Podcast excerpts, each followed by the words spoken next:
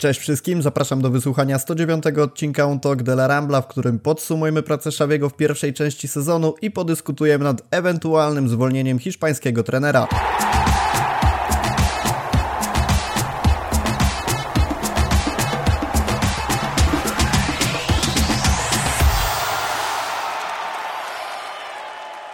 Oficjalna informacja o tym, że Xavi został trenerem Barcelony wybuchła 6 listopada 2021 roku, a zatem za chwilę będziemy obchodzić rocznicę powrotu hiszpańskiego szkoleniowca do Barcelony w tej długo wyczekiwanej przez kibiców roli, w roli tak naprawdę człowieka, który miał postawić Barcelonę na nogi po strasznych czasach, jakie przyniosły te, e, przyniosła era Kumana, era Bartomeu w zasadzie powinniśmy powiedzieć, bo on był głównym motorem napędowym tej degradacji jakości, jaka nastąpiła w dumie Katalonii. Natomiast teraz głosy są takie, że w zasadzie Xavi nie jest być może nie jest. Na to pytanie sobie odpowiemy odpowiednią osobą, żeby Barcelonę na nogi właśnie postawić. Razem z Maćkiem Miko o tym sobie porozmawiamy. Siemanko. Siemanko. Zacznijmy sobie może chronologicznie, bo myślę, że żeby tak w pełni ocenić to, jak hiszpański szkoleniowiec sprawdza się w Barcelonie, musimy odpowiedzieć na pytanie, jak w ogóle postrzegaliśmy jego zatrudnienie w Barcelonie. No bo tak naprawdę musimy, musimy sobie na to, na to pytanie odpowiedzieć, żeby złapać kontekst tego, co aktualnie się dzieje i jakie były w ogóle nasze oczekiwania w momencie, kiedy Xavi był ogłaszany trenerem Barsy i dlatego pytanie do Ciebie, e, cofając się w czasie, jak postrzegałeś samo zatrudnienie Xaviego? Czy według Ciebie wtedy, na tamten moment było to optymalne rozwiązanie, czy raczej Twoim zdaniem powinien na ławkę szkoleniową, ławkę trenerską przyjść ktoś inny i teraz mówisz głośne, a nie mówiłem, że miałem rację? Może aż tak nie muszę mówić, ponieważ ciężko było e, uformować konkretne oczekiwania długoterminowe w takim momencie zmiany dosłownie po rozpoczęciu sezonu praktycznie, ale już niejako trochę dla nas wtedy zakończonego.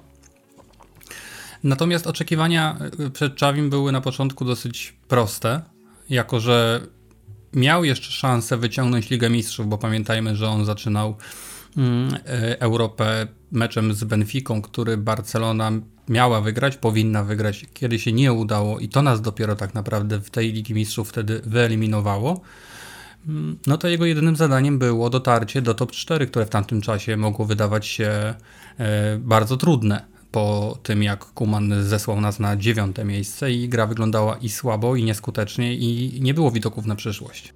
No ja teraz tak e, dosłownie słowem przypomnienia, bo e, żebyśmy sobie właśnie zrozumieli w jakiej sytuacji Barcelona była w lidze, to Xavi obejmował Barce w momencie, kiedy było na koncie rozegranych 12 meczów ligowych, 4 wygrane, 5 remisów i 3 przegrane, w tym przegrane z Atletico i Realem, czyli takie dosyć istotne spotkanie, jeżeli chodzi o budowanie tego pomnika.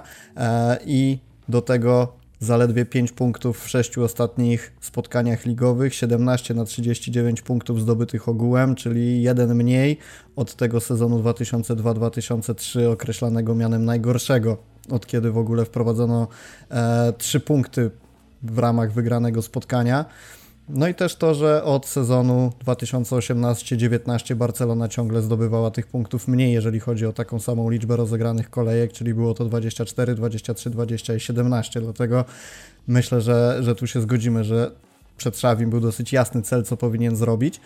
I teraz przechodząc sobie już do oczekiwań przed tym sezonem, no bo tak naprawdę mówiliśmy, że ten pierwszy sezon, który Szawi miał dograć po Kumanie, był taką, można powiedzieć, e, drogą, żeby tylko przeczekać do okresu przygotowawczego. Mówiliśmy o tym, że prawdziwy Szawi objawi się dopiero wtedy, kiedy przepracuje odpowiednio okres przygotowawczy, kiedy dostanie odpowiednie transfery. No i właśnie, jakie są, jakie były oczekiwania wobec Szawiego z Twojej strony przed tym sezonem, kiedy dowiedziałeś się, że w zasadzie wszystkie te żądania Szawiego zostały zaspokojone?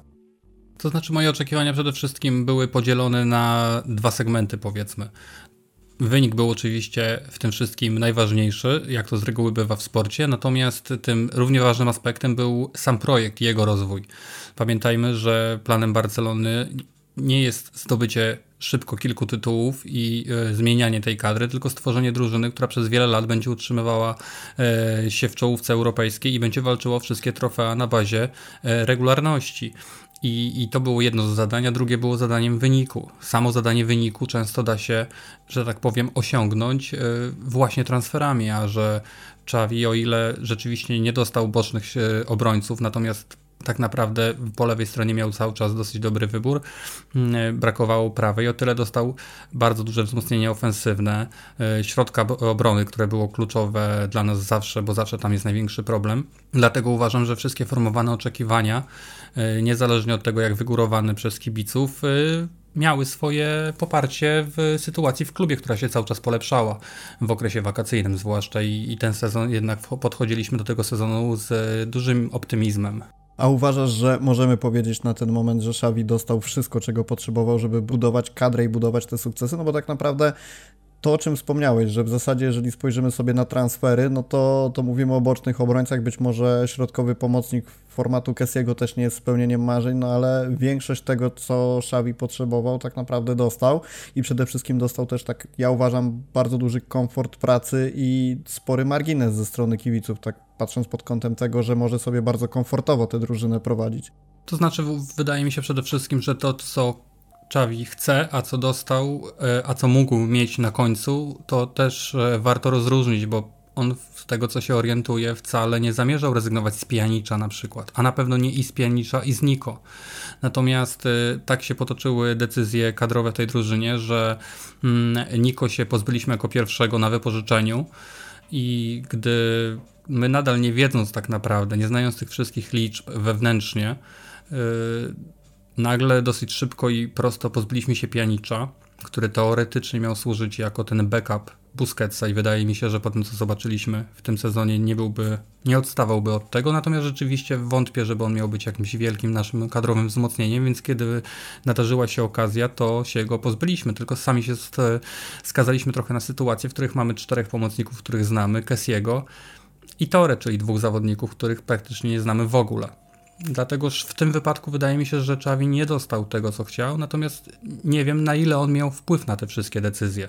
Czy on chciał wypożyczyć Niko, czy on chciał się pozbywać już po tym wypożyczeniu y, Pianicza. No tu pozostaje trochę tajemnic, wydaje mi się, które tylko znają y, odpowiedzi, znane są tylko w biurach.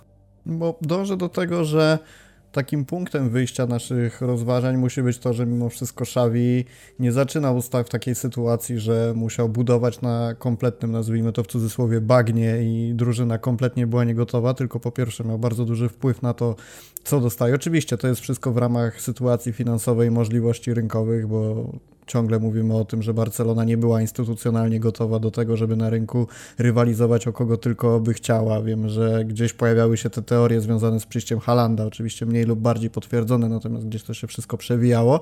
No a finalnie jednak obracamy się w sferze jakichś takich e, warunków brzegowych, nazwijmy to, ale wydaje mi się, że i tak musimy mówić o tym, że w skali tego, na co my kibice liczyliśmy, to i tak nasze oczekiwania zostały przekroczone. Dlatego ja bym raczej uznał, że ten punkt startu Xavi miał taki bardzo, bardzo komfortowy, czy to chodzi właśnie o zaufanie, nie zaufanie trenera, tylko zaufanie zarządu, zaufanie kibiców i sytuację kadrową.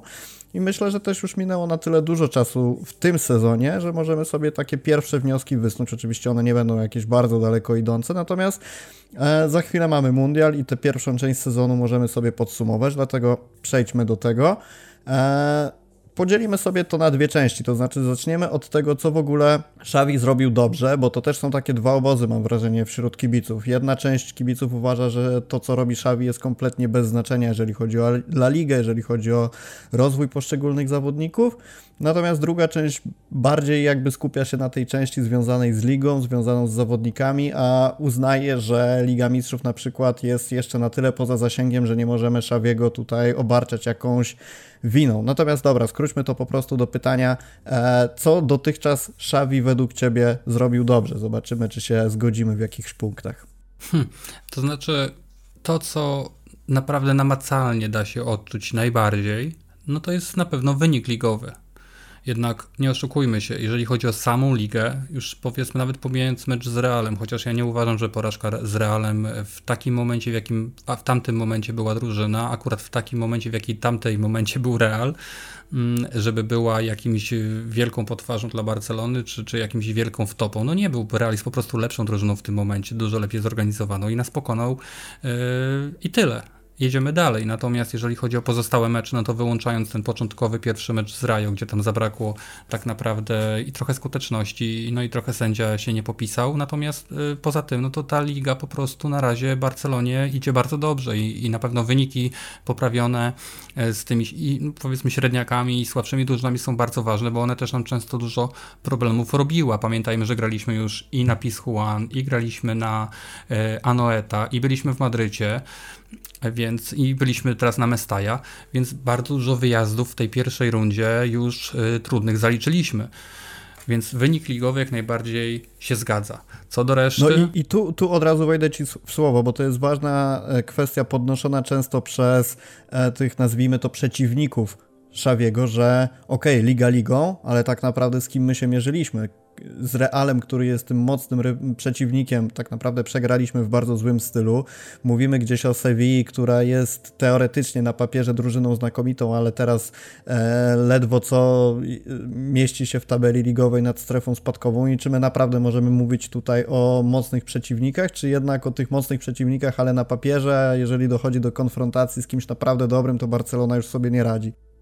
Wiesz, idąc tropem e, logiki, jeżeli wygrywamy mecz, z, nawet jeśli przeciwnik nie jest w najwyższej formie, ale nadal jest to i trudny stadion, i trudna publika, chociażby na Mestaja, czy na Pizjuan, e, czy e, Anoeta, która już teraz jest trochę odczarowana, ale nigdy na niej nie szła. Wtedy pamiętajmy, że akurat w tamtym czasie Real Sociedad początek sezonu miał, jeżeli chodzi o samą grę, a niekoniecznie wyniki, dużo lepszy e, niż wygląda to teraz. Więc nie deprecjonowałbym tego, bo jeśli tak się skupimy na tym, no to wiele sezonów, e, w których drużyna nie wygrywała mistrzostwa, czy to była Barcelona, czy to był Real, czy to był Atletico, czy, czy ktokolwiek inny, to z reguły tych punktów najbardziej brakowało w tych meczach e, właśnie z, z dołem często, gdzie brakuje koncentracji, z, ze średniakami, które też mają swoje cele i potrafią powalczyć u siebie, czy nawet na wyjeździe. Więc nie, zdecydowanie nie deprecjonowałbym tych, tych wyników ligowych, natomiast no oczywiście w tym momencie po prostu na Ligę Mistrzów e, jesteśmy troszeczkę zacieńcy. I to też jest ciekawa kwestia, bo ja często, bardzo często teraz słyszę się o tym, że Barcelona potrafi wygrywać spotkania tylko ze słabiakami i e, gdzieś się mam wrażenie właśnie zapomina o tym, co powiedziałeś, że mecze z tymi największymi markami, czyli nazwijmy to w lidze pewnie, no Real siłą rzeczy jest to taki dość naturalny, największy rywal Barcelony, czy to pod względem sportowym, czy też jakichś zaszłości historycznych, ale e, tak czysto piłkarsko patrząc, pewnie jeszcze możemy w tym gronie wymienić Atletico, no w tym sezonie sezonie Real Betis dobrze sobie radzi, gdzieś będziemy cały czas mówić o Realu Sociedad, natomiast jakby cała ta liga, cały sukces końcowy mierzony wygraniem tytułu mistrzowskiego cały czas zależy od tego, jak Barca spisze się nie na dystansie dwóch, trzech meczów, tylko na dystansie wszystkich kolejek. I ja mam takie wrażenie, że często o tym zapominamy i meczami z największymi trochę oceniamy Szawiego, a tak naprawdę powinniśmy gdzieś na to patrzeć bardziej pod tym kątem, że każda kolejna kolejka jest bardzo ważnym tak naprawdę spotkaniem. No, nie determinuje wygrania mistrzostwa zdobycie trzech punktów z Realem. No tak, tylko jeżeli przyjmujemy, że budowanie drużyny, jakiejkolwiek, to jest proces, no to on ma polegać, ten proces polega najbardziej na regularności, czyli na tym, żeby ta drużyna potrafiła wygrywać yy, na bazie regularności. I oczywiście, o ile nie udawało się to w tym roku yy, w Lidze Mistrzów, yy, gdzie rzeczywiście tutaj ten projekt jest o tyle niegotowy, że po prostu my jeszcze nie mamy gotowej struktury wyjściowej jedenastki, przyszły jakieś kontuzje, jakieś dużo więcej y, zadecyduje, dużo częściej zadecyduje pojedynczy błąd, pojedyncza decyzja i tak dalej, y, niż będzie to w meczu ligowym, gdzie rywal jest po prostu słabszy, więc nawet jeśli stracisz bramkę, co się akurat w tym, w tym sezonie w ogóle Barcelonie nie zdarza, no ale jeśli już tą bramkę stracisz, to masz szansę ją spokojnie odrobić, bo i rywal jest słabszy i twoje indywidualności mają więcej szans, y, żeby w pojedynkę coś zmienić. W Lidze Mistrzów tak łatwo już nie jest jeżeli popełniasz takie błędy jak z Interem, to taki Inter to po prostu wykorzystuje, bo czy on jest w formie, czy on nie jest w formie, to nadal jest klasowa drużyna, która ma klasowych zawodników, którzy będą potrafili takie błędy wykorzystać. No, tego nie zrobi ci Cadiz powiedzmy, czy chociaż na przykład na Atletico pokazał, że zrobi. Yy, natomiast ligowo dużo łatwiej ci będzie takie mecze z błędami, czy które nie do końca wychodzą, wygrywać, jak na przykład na Mestaja. Zresztą często, nie pamiętam już kto to mawiał, ale ktoś mądre słowa kiedyś powiedział, że tą najmocniejsze drużyny najczęściej można poznać po tym, kiedy nie idzie, a ona potrafi wygrać, a nie wtedy, kiedy wygrywa, kiedy wszystko jest, idzie pięknie i wszystkie, że tak powiem, strzały wpadają bramkę, tylko wtedy, kiedy nie idzie. No i tak Barcelona na przykład wygrała na Mestaja nogą Roberta i podaniem Rafini.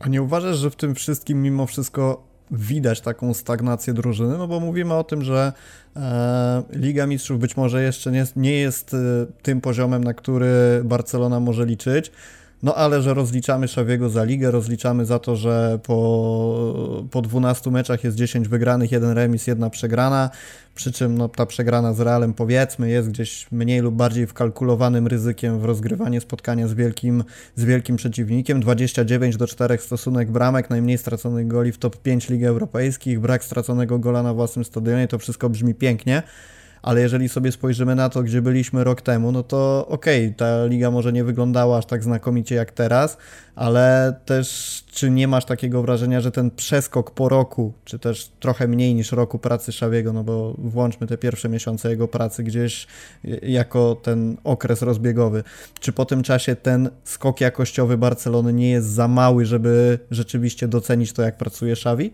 No właśnie, i tutaj sprowadzamy się już do tak naprawdę bardziej do stylu niż do wyniku, bo wynik można osiągnąć w każdy sposób, ale już jeżeli chcemy go osiągać konkretnym graniem, e, no to jest to dużo bardziej skomplikowane. I tutaj generalnie, jeżeli chodzi o moją ocenę pracy Czawiego do tej pory, to ja ją oceniam generalnie dosyć słabo. No bo oczywiście możemy sobie wyłączać jakieś miesiące początkowe, środkowe, możemy sobie mówić, że Liga Mistrzów to nie to, że Liga Europy to nie było motywacji, a to, to było zmęczenie, a tutaj i tak dalej, że była kadra słaba i coś tam. No natomiast zadaniem Czawiego przede wszystkim jest stworzenie tej kadry, e, wypracowanie systematyki tej drużyny, e, nauczenie się grania ze sobą, bo pamiętajmy, że w Barcelonie pojawiło się w, na ten sezon właściwie wymieniono połowę kadry praktycznie. Więc nawet jeśli to są zawodnicy głębokiej rezerwy, to, to trzeba z nimi pracować i wkomponowywać ją w tę ekipę, no bo w każdym momencie mogą zagrać e, z jakiegoś konieczności zwyczajnie, e, a wygląda to różnie niestety. I jeżeli miałbym pod tym kątem oceniać Czawiego, to uważam, że zawalił kompletnie ten rok, szczerze mówiąc, bo jeżeli my jesteśmy po roku, nawet w Lidze Mistrzów, i już nie mówię o tym, że rywal był trudniejszy, bo nie sądzę, żeby Inter był trudniejszy niż Benfica, nawet w tym momencie, bo Benfica gra świetnie i naprawdę ogląda się z dużym, z dużym zadowoleniem. Natomiast no niestety ja oczekiwałem, szczerze mówiąc, nie tego, że my wyjdziemy z tej grupy. Ja oczekiwałem tego, że my z drużyną pokroju Interu będziemy potrafili ją i zdominować, i z nią wygrywać. No a wyszło na to, że y, uratowaliśmy jeden punkt w dwóch meczach w 90 minucie. Więc tutaj widzę spory zawód, bo mam wrażenie, że często nasi zawodnicy po prostu nie wiedzą, co mają robić.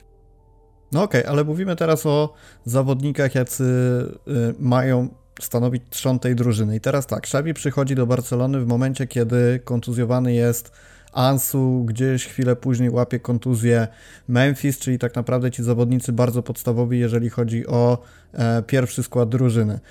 Pojawia się styczeń, okno transferowe, są zawirowania związane z Dembele, czyli kolejnym zawodnikiem, który gdzieś z jednej strony jest jedną nogą poza klubem, a z drugiej strony e, ma potencjał do tego, żeby stanowić absolutnie fundament, jeżeli chodzi o ten tercet w ataku. Przychodzi Young, przychodzi Ferran jako takie postaci, które mają dać nadzieję, jest Adama Traore, gdzieś ma prawą stronę zabezpieczyć Dani Alves, to zaczyna nam trochę grać, wiemy, że Ferran nawet potrafi, potrafi zdobyć bramkę w El Clasico, Young jest absolutnie świetny, gdzieś to wszystko zaczyna się zazębiać, przychodzi letnie okno transferowe i okazuje się, że z transferów ee, z transferów Obamy Young, Dani Alves, no, który bądź co bądź no, nie prezentował może najlepszej formy, ale no, porównując na przykład do Bejerina można się zastanawiać, czy nie wnosiłby teraz więcej. Nieważne, ważne, że e, wypada z kadry, nie ma Obamy Younga, nie ma Daniego Alvesa, Adama Traore, który coś tam może grał, też gdzieś ucieka do, do, do klubu, z którego został wypożyczony. Przychodzi letnie okno transferowe, robimy na pstryknięcie 6 transferów do pierwszego składu i znowu mamy trochę pretensje o to, że to się nie zaczyna zazębiać. Nie masz wrażenia, że mimo wszystko musimy na ten projekt i na nabranie przez drużyny takiej dojrzałości i systematyczności dać jej jeszcze więcej czasu? To znaczy powiem tak, jeżeli ten projekt uznajemy za rozpoczęty, no to oczywiście dajemy mu czas. Pytanie tylko, czy możemy to tak w 100% powiedzieć, że on się tak naprawdę rozpoczął. Bo o ile widać, że Czawi rezygnuje, zrezygnował z Pique, długimi momentami rezygnował z Alby, tak naprawdę on się pojawił dopiero wtedy, kiedy Balde musiał coraz częściej opcjonalnie grać na prawej stronie. Natomiast ja nie jestem przekonany, szczerze mówiąc, że te e, te odrzucenia Amigos są spowodowane czysto piłkarsko tak naprawdę. Bo ja też, szczerze mówiąc, no Pique na przykład popełnił y, straszne błędy z, z Interem. Był, widać, że jest, że jest bez formy, że jest nie, niezadowolony. Widać po nim, że jemu się po prostu na tym boisku nie chce być. Ja takie mam przynajmniej wrażenie. Tylko nie wiem, jakby to wyglądało, gdyby od początku sezonu on po prostu był pełno, pełnoprawnym członkiem tej kadry i normalnie występował jak każdy inny obrońca. Tylko kiedy my tworzymy zamkniętą jakąś tam grupę, część grupy spychamy na bok, a potem się nagle okazuje, że w jakimś takim najważniejszym meczu kluczowym musimy z nich skorzystać i wychodzą zawodnicy, którzy ani nie grali, e, którzy są bardzo niezadowoleni ze swojej pozycji, bo to widać na każdym meczu, przecież są te zdjęcia przynajmniej, no już Busquets, Busquets gra akurat dużo, natomiast Alby i, i kiedy oni siedzą na, e, na ławce e, rezerwowych i trochę się poćmiewają, tam Alba raz zasnął, skrzywią się, no są niezadowoleni, widać.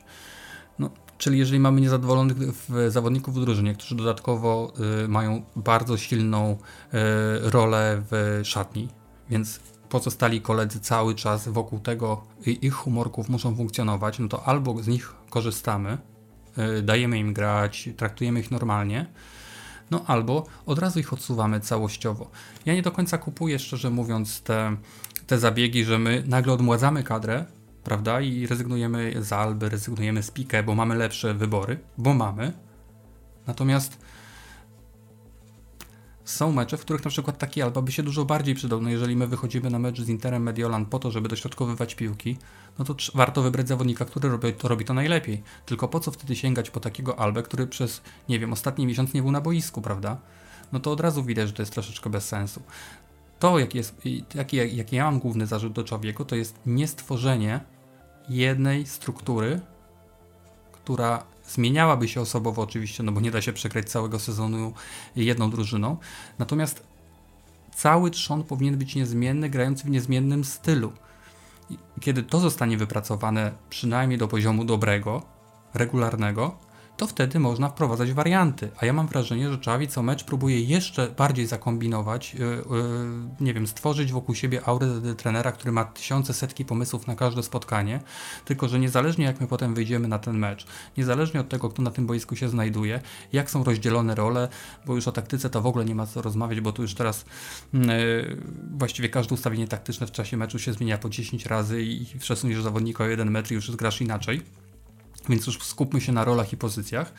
E, no to jeżeli nie ma tej głównej struktury, no to nie ma też podstawy do rotacji. Jeżeli my mówimy o będą rotacje, nie, nie będą rotacje, po prostu będzie jakiś inny skład, bo my nie mamy głównej, głównej jedenastki, głównego założenia, żeby, żeby ten skład y, rotować zwłaszcza kiedy robimy to non-stop. Ja już nie wiem, jest, e, jest pewnie zaraz wyliczenie, ale ile my razy graliśmy? 15 różnymi zestawieniami obrony? Tak, coś, coś koło tego. Czyli nasza najgorsza formacja, która nawet w najlepszych czasach sprawiała nam problemy, a co dopiero w takich jak teraz, czyli nasz, naj, najtrudniejsza do ustawienia formacja, najgorsza ze wszystkich, ta, która nam często odbierała wszystkie e, atuty podczas meczu, mm, to to jest ta y, formacja, która najbardziej się nie zna bo tu wymieniono najwięcej, największą ilość zawodników, zwłaszcza w pierwszej 11 albo w tej powiedzmy szeroko pojętej pierwszej 11, bo tu ciężko wskazać naprawdę podstawową e, czwórkę, czy trójkę, czy piątkę, już też nie wiadomo właśnie.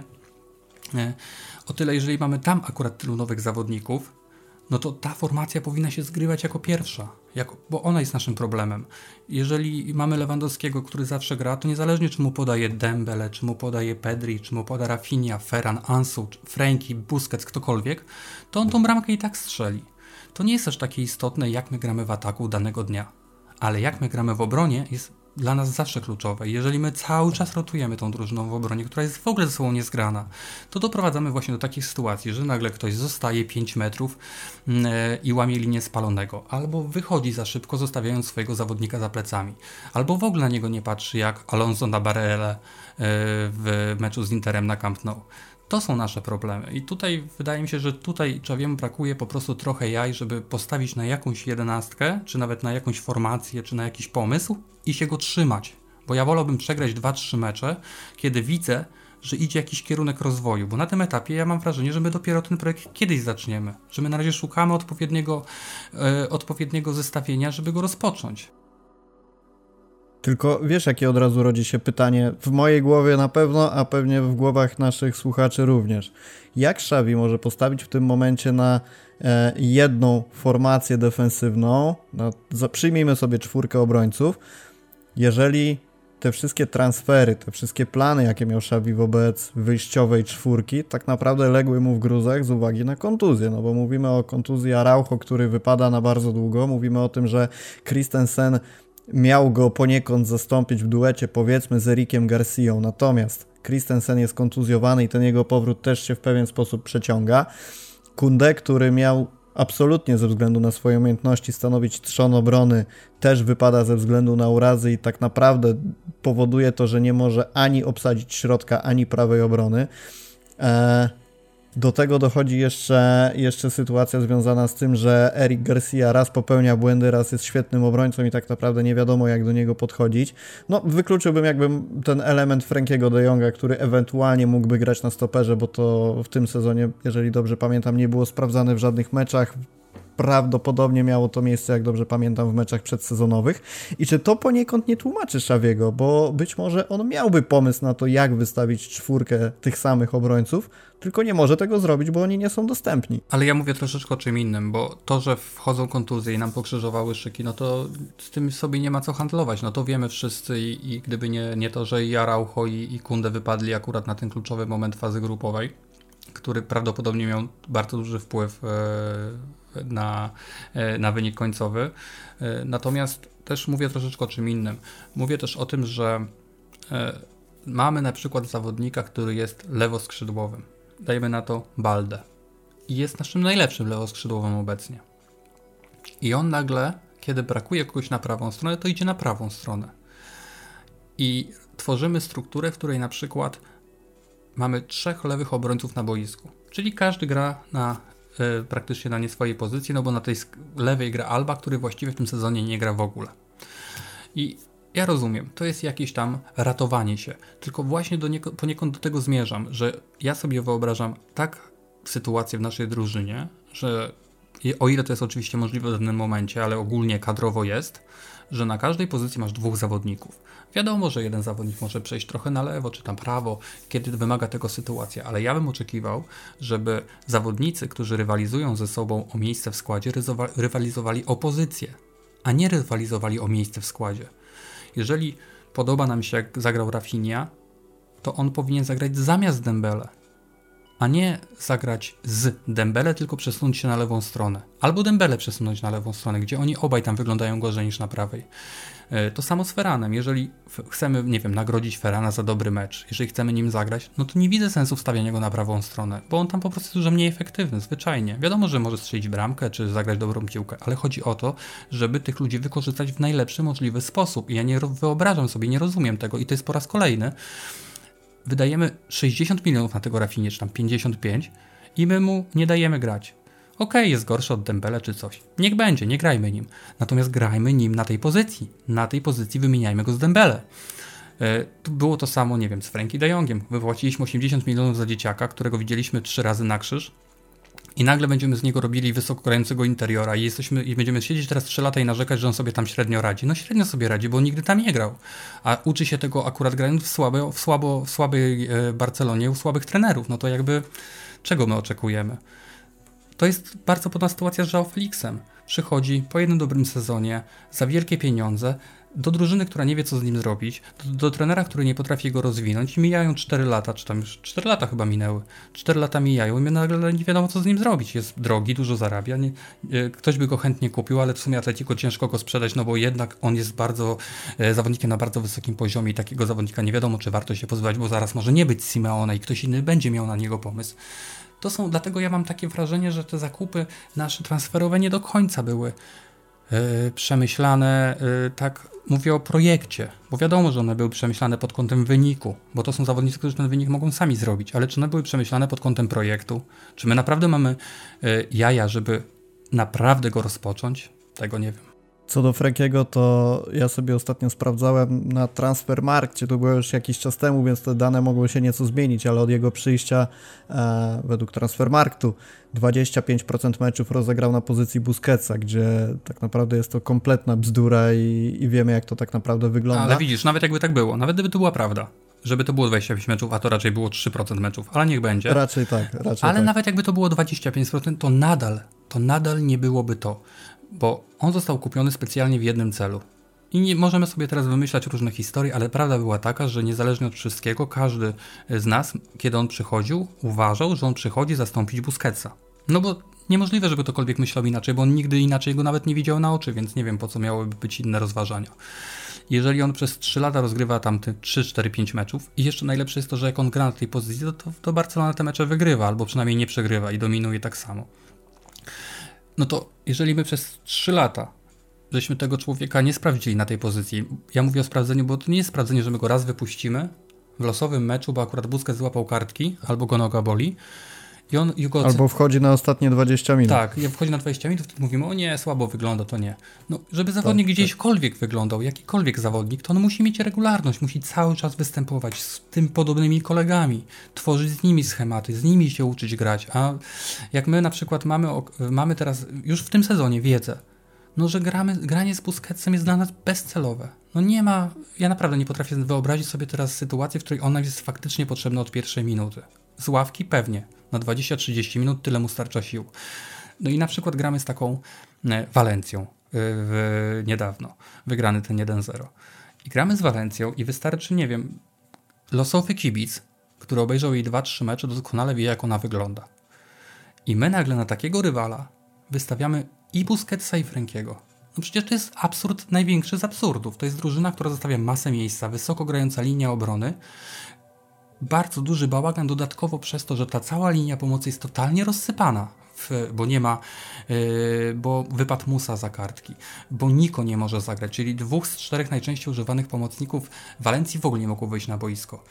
I nie wiem, naprawdę średnio rozgarnięty kibic oglądający Walencję wie, jak oni, ona gra i wie, jak można byłoby to wykorzystać. A najlepiej byłoby to wykorzystać tak, żeby postawić głęboko Frankiego, żeby on po prostu mijał pierwszą, dwie, jedną linię, nawet dwie być może, wybiegał do środka i rozdawał piłki gdziekolwiek. Tam już nie było niczego. Przecież jak się skupicie na pierwszej połowie, to tam tak naprawdę jak już się znalazłeś za kołem środkowym, to mogłeś robić wszystko, co chciałeś. Nie było tam nikogo. Była tylko linia obrony i to też rozsypana. No a my gramy tam 60 minut z Busquetsem, który nawet jakby bardzo chciał, to on ledwo się rusza, zakręca, obroty, a to jeszcze te dziury dostawał tam ze dwie czy trzy takie straszliwe. To ja nie rozumiem tego. Nie rozumiem, jak nawet w takim momencie brakuje jaj, żeby na tego Frankiego postawić. Bo w to, że on jest, że on, bo wiesz, bo to, że jak ktoś powiedział, że on o, źle się czuje, no to by nie był na boisku, no, a jest. Ja dodam jedną rzecz, co prawda nie jest to podcast o Busquetsie i o Frankiem, ale to jak już przeszliśmy do tego, to tak dosłownie słowem uzupełnienia. Ja kompletnie nie rozumiem tego, co się dzieje w związku z zastąpieniem Busquetsa, bo to, że jest Franki w klubie dobrze wiemy, to, że został sprowadzony na pozycję, żeby zastąpić Busquetsa też dobrze wiemy i mnie się wydaje w ogóle, że ta narracja, że on nie pasuje na tę pozycję, to się po prostu pojawiła z czasem, a nie w związku z tym, że on tam naprawdę nie pasuje, bo gdyby go ktoś tam, tak jak mówimy, regularnie sprawdzał, to moglibyśmy mieć zupełnie inne wnioski. Właśnie o to chodzi przede wszystkim.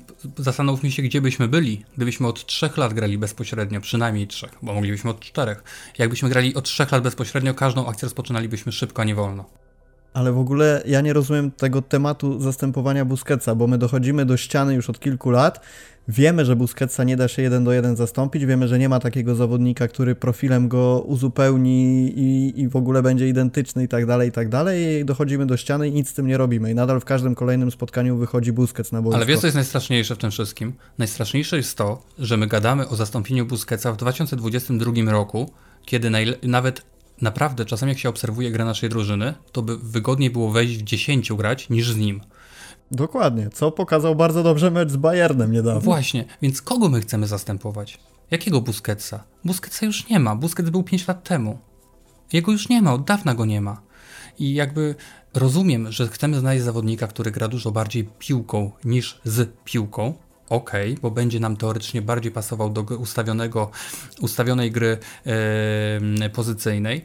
Natomiast teraz zapytanie mam takie: jeżeli my nadal chcemy grać pozycyjnie, dużą wymianą podań. To jak my chcemy tego Dembele w końcu wykorzystać? Bo mamy chłopaka, który jeżeli dasz mu trochę wolnej przestrzeni, wiadomo, on jest nieskuteczny, robi, popełnia masę błędów, ale jeżeli w ogóle jak, jakoś chcemy go porządnie wykorzystać, to on musi mieć miejsce. I teraz doprowadzamy sami do sytuacji grając z Busquetsem, że zanim ta piłka do Dembele dotrze, to cała obrona jest ustawiona. Gdy Franki przebiega, czy byłby to jakikolwiek inny zawodnik, bo nie chcę też być posądzony o to, że to musi być Franki. Ktokolwiek, który gra w stylu bezpośrednim. Żeby te piłki od razu rozdawał i tworzył te przewagi, bo na tym polega ta cała nasza gra, żeby stworzyć przewagi. Ale jak my mamy stworzyć przewagi, kiedy zanim jakakolwiek piłka dotrze do pierwszej linii, albo czasem nawet do wyżej do drugiej, do, do, do interiorów, to ona jest przegrywana na przykład przez bramkarza dwa razy, albo z Albą, czy tam z Bellerinem, czy z Sergio Roberto. Czyli to jest klasyczne trójkąty defensywne, które mają sprawić, że wszyscy uciekną, a my możemy sobie wtedy spokojnie rozgrywać. Tylko, że to jest strata czasu dla nas obecnie. No, myślę, że poruszyliśmy na tyle ważny temat, że kilka komentarzy na pewno się trafi, bo wiem, że sam Franki również ma wielu przeciwników, jeżeli chodzi o jego w ogóle pozostanie w Barcelonie, a co dopiero wychodzenie w pierwszym składzie. Ale wiesz, to też mnie bardzo, to też mnie troszeczkę przeraża, bo jeżeli gazety ciągle piszą o tym czy innym zawodniku w kontekście mm, zastąpienia Busquetsa, czy po prostu nowego transferu do linii y, pomocy, to ile wiadomo, że prasa to sobie cały dzień będzie pisać i całe miesiące o różnych rzeczach, niekoniecznie to musi być prawda, no ale na pewno coś na rzeczy jest. No i teraz ja mam pytanie. Jeżeli my planujemy dokonać jakiejś kolejnej inwestycji na tą pozycję, a mamy za sobą inwestycję 80 milionów dosłownie kilka lat temu, to jeżeli my zaczniemy, my planujemy kolejną inwestycję tego, bo jeżeli mówimy o Zubimendim, 60 milionów tam pojawia się Neves. No to Neves. A czy, czy Zubimendi czasem nie przedłużył kontraktu? Tak mi się coś obiło o uszy i zastanawiam się, czy ten temat jest już w ogóle nie wyłączony. Nie, bo Zubimendi przedłużył kontrakt, ale jego klauzula pozostaje bez zmian do momentu, okay. do momentu, poczekaj, do momentu, w którym rozpocznie się to, ten wydłużony okres. Czyli on miał kontrakt do 2024 Y, klauzulę 60 milionów. Teraz przedłużył kontrakt do 2026 albo 7, już teraz nie pamiętam. Y, I do 2024 nadal będzie miał to 60 milionów, a potem 90. Okay. Czyli, tu, Czyli takie przedłużenie kontraktu, które tak. de facto nie zamyka mu drzwi przed nie, transferem. To chodzi tylko o to, żeby, żeby nie było ryzyka, że on w ogóle będzie mógł odejść za darmo, prawda? Więc poszli sobie nawzajem na rękę, więc dla nas sytuacja w ogóle się nie zmieniła, jeżeli jesteśmy nim zainteresowani oczywiście. I ja w ogóle popieram ten ruch. To nie będzie gra e, w takim stylu, jak ja bym sobie to wyobrażał, no ale to jest nadal młody, bardzo jakościowy pomocnik, który zawsze nam się przyda który wcale nie musi być też ograniczony tylko i wyłącznie do tej jednej roli, pamiętajmy, bo mam wrażenie, że tylko Busquets obecnie na świecie jest takim piłkarzem. Oczywiście jest wielu pomocników defensywnych, ale Busquets jest tak szalenie ograniczony, jeżeli chodzi może ograniczony to nie jest dobre określenie, ale tak jest nasiąknięty konkretnym stylem, konkretną e, formą grania w piłkę, że on prawdopodobnie by się nigdzie nie wpasował. No nigdzie. Nie znalazłby dla niego drużyny, gdyby nawet miał teraz 30 lat i chcielibyśmy go sprzedać to byś mu nie znalazł ekipy, która to wszystko będzie robiła tak, żeby go wykorzystać w najlepszym stopniu. Więc my też nie powinniśmy iść w takie rozwiązanie, gdzie będziemy mieli znowu zawodnika, który pasuje tylko do jednego. Busquetsa zostawiamy, wracamy sobie do Szawiego, bo mam też pytanie odnośnie do tego, nie tylko jak się rozwija cała drużyna, bo to jest oczywiście bardzo istotne, natomiast jak postrzegasz nastroje, jakie panują w drużynie, bo to też jest temat, który gdzieś bardzo często się przewija, że czy to za czasów jeszcze Ernesto Valverde w tej końcowej fazie, jak, jak przebywał na ławce trenerskiej, czy to później za czasów Setiena czy Kumana, cały czas narracja wokół Barcelony była taka, że okej, okay, ci trenerzy są, być może te mecze są mniej lub bardziej wygrywane, za Kumana pojawił się nawet puchar, coś, czego Xavi jeszcze nie doświadczył. Natomiast, natomiast cały czas mam wrażenie, mówiło się o tym, że ta drużyna nie jest do końca zadowolona, że gdzieś takie nie do końca fajne tematy krążą po szatni i tak dalej, i tak dalej. Przychodzi Xavi i okazuje się, że ta drużyna, mimo że e, odpada z Ligi Mistrzów, to cały czas patrzy w przyszłość dosyć optymistycznie. I mam wrażenie, że kibice też patrzą w przyszłość optymistycznie, wierzą w ten projekt, może trochę mniej niż na samym początku, ale nadal dużo bardziej niż za czasów Kumana i tak dalej, i tak dalej. Nie uważasz, że to jest duży plus Szawiego właśnie, że on takim swoim autorytetem, może pewnie bardziej piłkarskim niż trenerskim, ale ciągle yy, napawa nadzieją kibiców? Powiem Ci szczerze, że wydaje mi się, że za dużo przypisujemy tego wszystkiego Czawiemu. Wydaje mi się, że to polepszenie sytuacji w drużynie, jeżeli chodzi o nastroje, to też jest, yy, to też jest po prostu Laporta i jego ekipa to jest też yy, yy, człowiek, z którym na pewno piłkarze czują się i pewnie jako po prostu ludzie, i pewnie jako no, pracownicy koniec końców. Oczywiście wszyscy szanują Czawiego i na pewno z trenerem, którego oglądałeś na boisku, do którego masz wielki szacunek, yy, którego podziwiasz, na pewno dużo prościej ci realizować jego założenia, spełniać jego prośby, zachowywać się tak, żeby trener był zadowolony i o, i o tobie dobrze myślał, niż y, wobec trenera, którego na przykład nie szanujesz, który nie ma żadnego poparcia w szatni i tak dalej.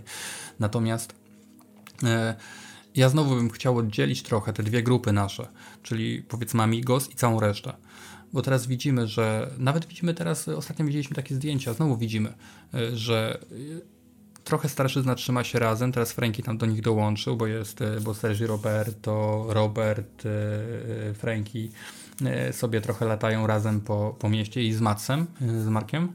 E, latają sobie trochę razem po mieście i tam już kilka razy widzieliśmy ich, natomiast e, młodzi trzymają się trochę razem.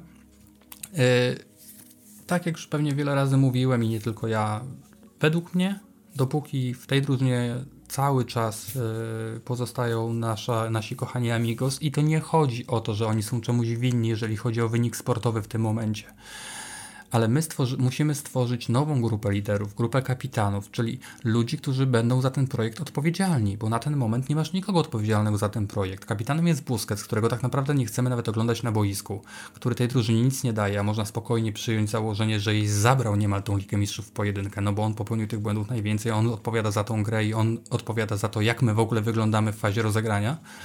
Mm, no to jeżeli trzech kapitanów siedzi na, siedzi na ławie i kręci nosem, jeden kapitan w sumie siedzi na boisku i też kręci nosem i niewiele nam daje, no to trzeba stworzyć całą nową strukturę takiego przywództwa po prostu w tej ekipie i mam nadzieję, że to się stanie jak najszybciej. To jest prawda i też to pokazują te rozważania, kto zostanie ewentualnie kapitanem po odejściu całej czwórki. Ja się zastanawiam, czy cała czwórka rzeczywiście odejdzie w tym następnym, e, może nie następnym, bo to będzie zimowe okno transferowe, ale tym letnim oknie transferowym, bo trochę sobie też nie wyobrażam sytuacji. To byłoby, prawdę mówiąc, zbyt piękne, gdyby i Pique, i Busquets, i Alba, i Roberto jednocześnie klub opuścili, ale zakładając sobie taki hipotetyczny scenariusz, no to mówimy o tym, że pierwszym kapitanem zostałby Ter Stegen, a później kto? Ja szczerze mówiąc przychylam się ku tym opiniom, Ja to chyba Robert. No rzeczywiście wychodzi na to, że tak patrząc pod względem charyzmy, doświadczenia boiskowego i wpływu na szatnie, to Lewandowski Ale wiesz, to, przede, to przede wszystkim widać gołym okiem cały czas.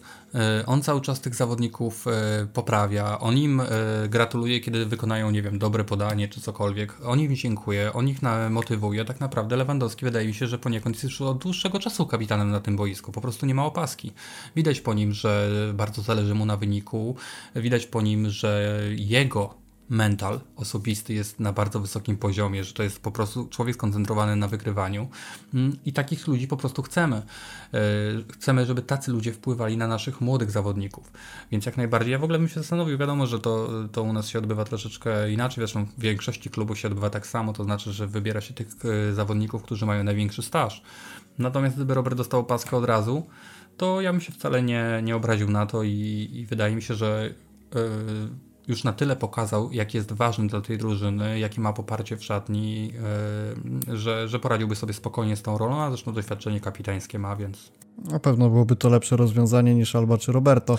E, powiedzieliśmy sobie trochę o, o tym, jak wygląda samo takie nastawienie taktyczne Szawiego, ale jeszcze słowem takiego bardziej konkretnego, doprecyzowania tego wszystkiego uważasz, że e, problemem Szawiego w spotkaniach, nie tylko z tymi największymi, ale generalnie z różnymi rywalami, może być to, że nie potrafi dopasować taktyki do, do rywala i że brakuje mu planu B jeżeli na boisku coś nie idzie? Nie, właśnie odwrotnie uważam. Ja uważam, że on cały czas próbuje przekombinować. Ja mam wrażenie, że on cały czas próbuje wszystkim udowodnić, że jest fantastycznym specjalistą, yy, że ma pełną gamę rozwiązań, że jest bardzo postępowy i nowoczesny.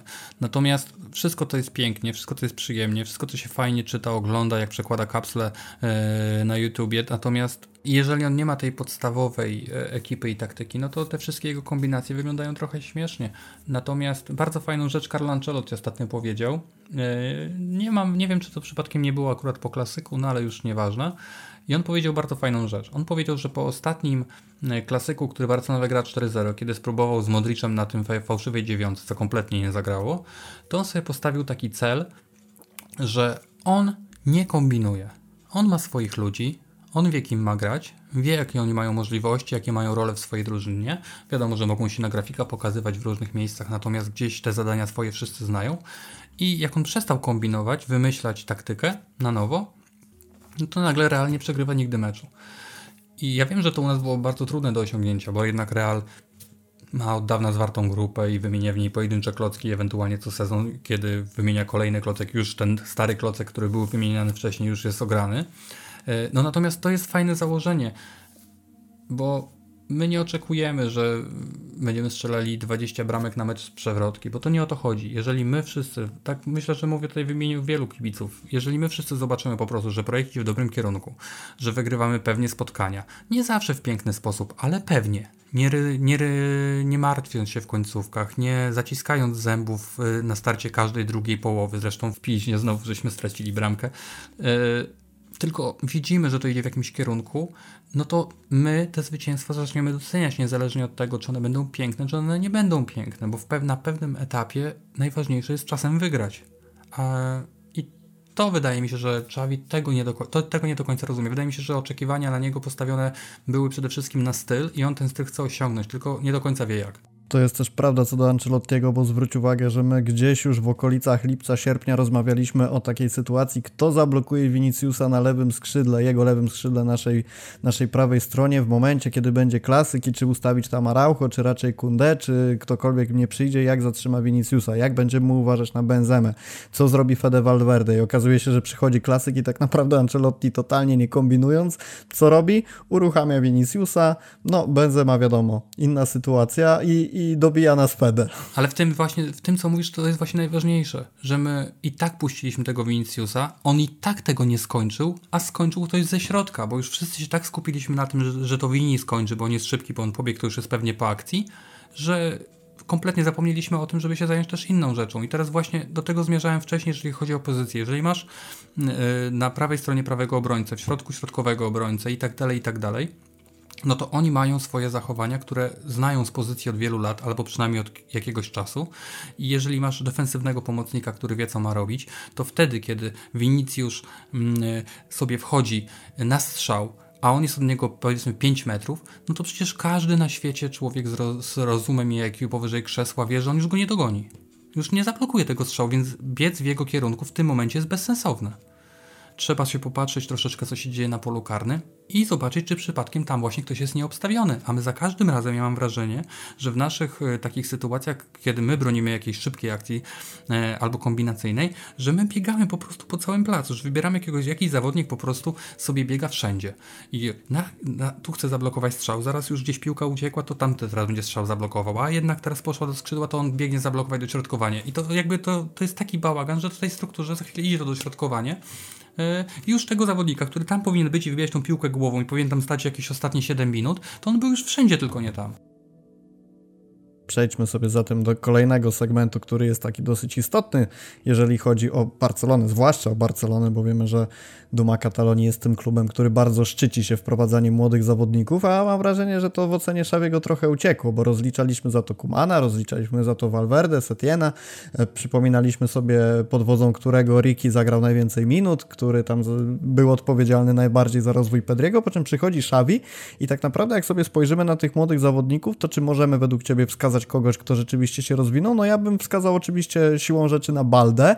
Możemy wymieniać Gawiego i Pedriego. No Pedri 15 na 17 rozegranych w tym, w tym sezonie meczów w wyjściowej 11, Gavi 13 na 17, trzeci kolejno i szósty zawodnik, jeżeli chodzi o liczbę rozegranych minut, natomiast no to też są trochę już inni młodzi zawodnicy, bo oni zostali, mam wrażenie, w tych poprzednich sezonach wrzuceni w tryby pierwszego składu, a teraz już jest poniekąd czerpanie z tego, co się wydarzyło w tych poprzednich miesiącach. To oczywiście trzeba wpisać Szawiemu w to trenerskie CV, że jest odpowiedzialny za ich rozwój, no bo nie da się tego uniknąć, ale czy nie masz wrażenia, że poza Balde brakuje kilku nazwisk, które będą gdzieś wchodzić do tej pierwszej drużyny, czy z drugiej strony to byłyby kolejne nazwiska, które by ten trzon e, rozwalały? No ale to mniej więcej jest też nawiązanie do tego, co, o czym już mówiłem. No jeżeli y, potrzebujemy środkowego obrońcę, y, no i nie mamy go, y, i stawiamy i stawiamy na Alonso, który przy każdej okazji mówi, że on się średnio czuje, że jemu się tam ciężko gra,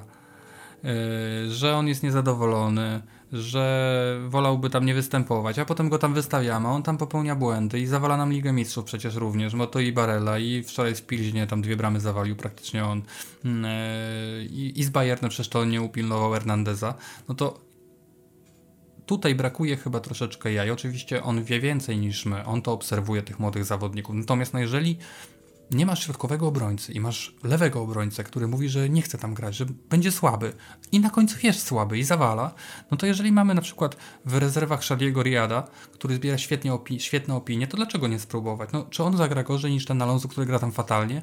No pewnie nie. Może, nie sądzę. Może, ale nawet jeśli, nawet niech popełni ten błąd, nawet niech też przez niego przegramy, ale to jest nadal, to jest młody zawodnik, on zbierze doświadczenie, my z tego będziemy mieli potem jakąś korzyść. A jaką mamy korzyść z tego, że zawalił nam Alonso mecz? No nie mamy żadnej korzyści. I tutaj właśnie tu ja to, ja to tak y, czytam jako taki trochę brak jaj po prostu u. Kiedy trzeba podjąć trudną decyzję, ale postawić na zawodnika, który na przykład będzie się czuł dobrze na pozycji, może jest za słaby jeszcze, żeby na niej grać, ale będzie się przynajmniej na niej czuł, będzie czuł odległość, będzie umiał się ustawić w linii y, spalonego i tak dalej, i tak dalej. Nie wiem, umie grać świetnie głową, y, umie grać lewą nogą, a nie prawą i tak dalej, i tak dalej Wyprowadzenie piłki też na pewno lepsze niż Marco Alonso, co już niejednokrotnie pokazywał na zapleczu pierwszej drużyny. A ja ci powiem, to ja w ogóle nie wiem, jak się Marco Alonso piłkę wyprowadza. Ja mam wrażenie, że ją od razu oddaje i, i w ogóle nawet nie próbuje. I to w ogóle mi to nie przeszkadza, szczerze mówiąc. My robimy taki młyn czasami, yy, tak jak w tym Pilźnie yy, oglądałem, a Piqué stoi 30 metrów od bramki rywala i piłkę wali, a jest ostatnim obrońcą. No to jakby, to chyba jest przesada. No nie jest to niczego potrzebne. No taki, takiego, yy, taki tłok robienia przed polem karnym, no ale powiedzmy tutaj jest to akurat bez znaczenia.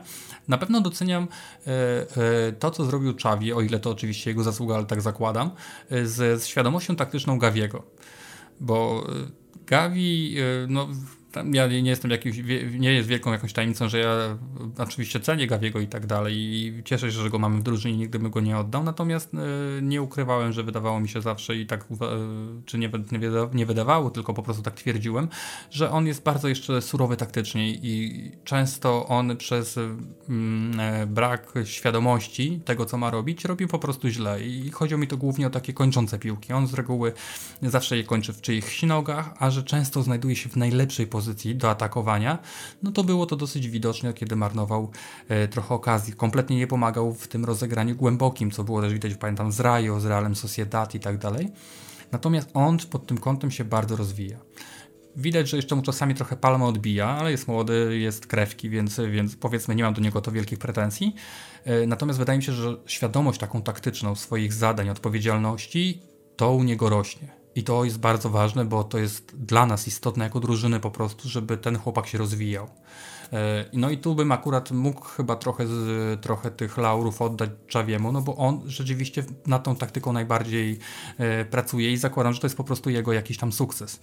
To samo z Balde, ale akurat w zawodniku typu Balde to mam wrażenie, że trener na przykład Ancelotti czy na przykład Zidane czyli taki trener typu Real Madryt, to by wyciągnął jeszcze 10 takich maksów, jak wyciąga Czawi. Że on by go tak wykorzystał, że on w ogóle by nie miał odpowiedzialności defensywnej, w ogóle nikogo by nie przejmowało to, że e, e, on się źle ustawia, albo idzie na raz, albo łamie linię, tylko by tak zrobili z niego taką bestię ofensywną, że nikt by na to uwagi nie zwracał kompletnie. A defensywa przyszłaby z czasem i z doświadczeniem. A do tego wszystkiego jeszcze ja mam wrażenie, że musimy włączyć Pablo Torre, bo też przychodził do Barcelony. Co prawda on był tam gdzieś zawieszony pomiędzy drugą drużyną, pierwszą drużyną, ale no jeżeli w końcu skończył w tej, w tej pierwszej drużynie, to ja trochę nie rozumiem, dlaczego w pewnych momentach on nie był wpuszczany na boisko. I po pierwsze, były momenty, kiedy Barcelona e, wygrywała spotkanie i można było spokojnie dać odetchnąć Pedriemu, czy Gaviemu, czy komukolwiek innemu i próbować Pablo Torre nawet na innej pozycji, ale żeby trochę tych minut złapał. To jest pierwsza rzecz, że w takich bezpiecznych momentach. A po drugie, nawet jeżeli miałby zacząć sobie spotkanie w pierwszym składzie i zejść po 45 minutach, to uważam, że byłoby to bez ryzyka. No mecz z Wiktorią Pilzną pokazał, że on jeszcze nie jest do końca zawodnikiem gotowym do tego, żeby decydować o tym, jak ta pierwsza jedenastka będzie wyglądać, że jeszcze nie jest to zawodnik w pełni, no pewnie w ogóle nie jest doświadczony, jeżeli chodzi o te najbardziej, najbardziej najistotniejsze mecze Barsy, ale znowu mam, mam takie wrażenie, że Xavi w wielu momentach po prostu bał się wpuścić go na boisko i nie było to tak naprawdę niczym motywowane, no bo jeżeli, jeżeli mówimy o chłopaku, który minut potrzebuje, jest jakieś bezpieczne środowisko, żeby go rozwijać, to, to dlaczego nie? I tu jest mój zarzut, szczerze mówiąc, duży, jeżeli chodzi o Szawiego, bo e, rozumiem, rozumiem Baldę, rozumiem Pedriego, Gawiego i tak dalej, tu się wszystko dzieje powiedzmy zgodnie z tym, jak kibice chcieliby, żeby to wyglądało, ale o Pablo Torre, no i o, o Chadiego też mam, mam duży żal, szczerze mówiąc, że według mnie o wiele za mało minut dostają względem tego, ile powinni dostawać, patrząc na to, jaki mają potencjał. Wiesz co, to może też nie zawsze jest ile minut, no oczywiście Torre ma ich tak mało, że, że tak, że w tym wypadku to jest, to, jest, e, to jest problem, natomiast e, często może nie chodzi o to, ile to jest minut, ale jakie to są minuty. I mm, jeżeli my sami sobie tworzymy takie sytuacje jak w meczach, meczach z Majorką czy z Celtą, kiedy to są mecze naprawdę z słabymi rywalami, no już nie oszukujmy się, możemy dużo dobrego mówić o pojedynczych zawodnikach, o trenerach czy o jakichś lepszych meczach, wiadomo, że się ciężko gra na Majorce każdemu. Natomiast no, jeżeli my sami sobie tworzymy mecze, w których e, musimy do końca momentu ostatniego gwizdka drżeć o wynik, no to w tych sytuacjach nie dziwię się, że Czawi nie zmienia akurat na pozycjach na których ma zawodników niedoświadczonych albo nieogranych w Barcelonie, czy w ogóle nieogranych na poziomie e, pierwszoligowym, jak Tore. Natomiast no, to też jest efekt tego, jak Barcelona człowiek grała w tym meczu wcześniej. I, I o ile rozumiem, że potrzebujemy rotacji, że ludzie muszą odpoczywać, że nie mogą grać po 90 minut, to jest oczywiste. Natomiast właśnie o to, o to mi chodzi. Stworzyć jedną konkretną strukturę, tylko że potem, kiedy mamy jakiś tam wynik, nie wiem, 2-3-0, to kiedy robimy zmiany, to rzeczywiście, tak jak mówisz, to nie wprowadzamy Kessiego za Pedriego, tylko wprowadzamy Torę. Kessi byłby wtedy wchodził za Gawiego powiedzmy, albo za Busquetsa najlepiej. No nie oszukujmy się. Vitoria, yy, myślę, że poziomem odpowiada jakimś yy, słabszym tym najsłabszym w La Liga. Prawda? Myślę, że to jest to jest mniej więcej taki poziom, tak ja bym to ocenił. Może styl jest inny, bardziej, bezpo, bardziej taki defensywny oczywiście, chociaż teraz to w Hiszpanii dzieje, dzieje, się bardzo podobnie. Ja nie powiedziałbym wcale, że taka Vitoria Pilsno nie mogłaby wygrać z Cadiz czy, yy, czy Zelcze. Pewnie by mogła, spokojnie nawet. Yy, więc z drużyną, która powiedzmy odpowiada słabym drużynom w lidze, potrafimy wystawić kompletnie przemeblowany skład złożony z zawodników z trzeciej ligi, z dzieciaków i tak dalej i wygrać ten mecz. Więc dlaczego mielibyśmy pojedynczym, dosłownie pojedynczą zmianą zawodnika, ale na konkretnej pozycji, z jakąś regularnością, z jakimś zamysłem konkretnym, wykorzystującym jego naturalne umiejętności, nie moglibyśmy tego robić w lidze. No, tego właśnie też tak jak ty nie rozumiem. Ale to się sprowadza do, do tego też, co o czym mówiliśmy wcześniej. No jeżeli na przykład Xavi rozpoczyna mecz z Rafinią na lewej i z Dembele na prawej, kiedy już wiemy, że Rafinia tam grać nie będzie, a za chwilę robi zmianę taką, że y, wprowadza Ferrana Torresa i przesuwa go na prawą stronę tylko po to, żeby przesunąć na lewą Dembele, żeby Dembele za 3 minuty zmienić z Ansu Fatim, no to on robi taki miszung tutaj na tym boisku, że wszyscy grają wszędzie, a nikt nie gra tam, gdzie powinien. I, i tutaj to, to, to jest jakby cały czas powód do tego samego zarzutu, który mam od samego początku. Chciałbym, żeby piłkarze w Barcelonie walczyli o pozycję, a nie o miejsce na boisku. I takie rywalizacje, właściwie mamy tylko jedną taką rywalizację, wydaje mi się, i to też dopiero od chwili, Rafinha Dembele. I to są dwaj zupełnie inni zawodnicy, co jest też bardzo, bardzo, bardzo ważne.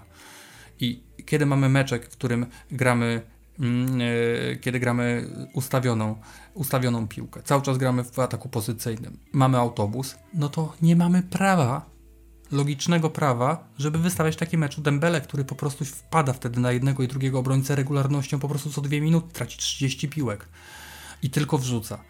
A widzimy, co robi Rafinha w tłoku. Rafinha otwiera, otwiera jedną stronę, otwiera drugą stronę i tak dalej, i tak dalej. Chodzi o jakby najprostsze decyzje takiej logiki. Dlatego o tym może powiem za chwilę jeszcze, żeby już nie przegadywać, natomiast tu rzeczywiście e, widzę problem. Myślę, że możemy sobie w ogóle płynnie przejść do kolejnego naszego podpunktu, bo o tej stabilizacji wyjściowej jedenastki, o tej e, bardziej konsekwentnej realizacji planu taktycznego mam to zapisane pod, e, pod pytaniem, czego oczekujemy od Szewiego w kolejnych tygodniach, także o tym sobie powiedzieliśmy, ale czego jeszcze, bo e, dla mnie kluczowe mimo wszystko będzie to, żeby ta drużyna oczywiście rozwijała się i to, o czym mówimy, żeby ten trzon był zachowany i żeby to wszystko, przede wszystkim, żeby uspokoić ten chaos, jaki dzieje się wokół Barcelony, bo to ciągle jest taki plac budowy, gdzie dzieje się wszystko i nie bardzo wiadomo, kto gdzie ma w co ręce włożyć i, i niestety, niestety nie tak to powinno wyglądać. Natomiast też mam takie odczucia, że przede wszystkim Barcelona powinna nabierać z każdym meczem, z każdym tygodniem, z każdą kolejką takiego doświadczenia i zacząć przekonywać, że jest drużyną gotową rywalizować z większą regularnością i zdobywać te punkty bardziej, nie chcę powiedzieć, że przekonując do tego kibiców, że jest zdolna, bo liga pokazała, że, że Barca jest do tego zdolna, ale też spójrzmy na to, jak to wygląda w przypadku Realu. Real w momencie, kiedy nawet by przegrywał 0 do 2, to gdzieś mamy świadomość tego, że oni mogą to spotkanie wygrać. W Barcelonie jest to dużo większe rozchwianie tak naprawdę, bo, bo czy wygrywamy 2-0, czy przegrywamy 0-2, to nie wiemy, jak spotkanie się skończy. Dlatego takie, taka większa stabilizacja, większe doświadczenie na pewno ale e, też myślę, że warto jest podkreślenia to, że poza samym rozwojem drużyny i tym, tym doświadczeniem, jakie będzie nabierane, żeby po prostu utrzymać konsekwencje w lidze, bo wygląda to naprawdę bardzo dobrze. No jeden remis, jedna przegrana i poza tym 10 wygranych to jest coś, co na pewno kibiców przekonuje, że tak powinno zostać, więc jeżeli sobie rozmawiamy o oczekiwaniach wobec Szawiego, to na pewno to, żeby ta sytuacja ligowa została utrzymana i żeby nie zacząć gubić punktów z mniejszymi rywalami, bo to też wtedy zostanie przez kibiców docenione, co się działo w momencie, kiedy kolejka po kolejce były te mecze wygrywane. Czy ty widzisz jeszcze coś takiego, co możemy, czego możemy od Szawiego oczekiwać? No, ja mam takie jedno oczekiwanie, nie wiem, czy tu się ze mną zgodzisz, czy nie, ale według mnie Czawi wcale nie przygotowuje taktyki pod rywala. Ba, ja mam wrażenie, że on nawet ze specjalnie tych rywali nie ogląda. O czym. No to są grube wnioski. Wiesz co? Już miałem, miałem już tak wcześniej takie, takie, takie, mm, e, takie pomysły, a to dlatego, że na przykład chociażby już ten pierwszy mecz z Rajo powiedzmy, że zostawiamy, bo był początkiem sezonu, gdzie on był kompletnie zawalony, jeżeli chodzi o, o, o taktykę do tego spotkania, ale to powiedzmy z pierwszym sezonu zostawimy to. Natomiast teraz w tych kluczowych momentach dla nas Mamy dwa mecze z Interem, które w całości próbujemy wygrać dośrodkowaniem, gdzie Inter ma praktycznie, nie wiem czy teraz nie przesadzę, bo też Real świetnie sobie radzi w obronie stałych fragmentów, czy dośrodkowań, czy, czy też inne zespoły, ale nie wiem czy Inter nie ma przypadkiem najlepszej trójki, jeżeli chodzi o pojedynki powietrzne w ogóle w Europie i my ich próbujemy pokonać dośrodkowaniami. I jakby no, rozumiem, że to się może wydarzyć przez chwilę, no ale to jest cały mecz. Przypomnijmy tę magiczną liczbę 50 wrzutów. I teraz powiedzmy, że okej, okay, no nie wyszło, tam nie było jak nie było nic lepszego nie mogli wymyślić, no to wrzucali, no okej. Okay. Ale bardzo mnie zastanowiło to po raz kolejny, kiedy yy, widziałem rozmowę, konferencję prasową Gennaro Gattuso po meczu z Walencją ponieważ Czawi powiedział na, na swojej konferencji, że Walencja grała defensywnie, że się broniła, co mnie też bardzo dziwiło, bo, bo miałem wrażenie, że jednak no, na tyle co oglądałem Walencji, to, to ciężko było się zgodzić z tym, co mówi Czawi. E, I najlepiej, e, najlepiej określił to Gennaro Gattuso. Gdy został o to zapytany o słowa Czawiego, on powiedział, no tak, kompletnie się z tym nie zgadzam. I tu miał rację, bo Walencja zagrała zupełnie normalny dla siebie mecz. Y, ja nawet napisałem trzy proste wnioski przed tym rozpoczęciem tego meczu, y, które oczywiście się nie sprawdziły, no bo ich postawił na inną jedenastkę, y, ale widziałem je, myślę, że nie wiem, kilka razy przynajmniej, czy na polskim, czy na zagranicznym Twitterze, bardzo podobne wnioski odnośnie, odnośnie Walencji. I nagle przychodzi Czawi i mówi coś zupełnie innego. No, powiem szczerze, że trochę mnie to zastanowiło, bo wybitnie nawet już widząc, jak on wychodził na boisko, no to ja już wiedziałem, że on jakby nie ma tego samego pomysłu, jaki ja bym miał. No ale zaukładam, no on jest trenerem, przecież to on śledzi te mecze, on ma swój sztab. No natomiast kiedy, kiedy, kiedy właśnie opowiadał tę historię na konferencji, no to no powiem szczerze, zastanowiłem się, czy on na pewno widział jakikolwiek mecz Walencji? No, dlatego mówię, tu mam wątpliwości, czy on się tak przygotowuje do tych meczów. No na pewno e, się przygotowuje, ale czy on na pewno ma dobre pomysły? Czy on ma dobre wnioski po tych przygotowaniach? Hm, no nie wiem.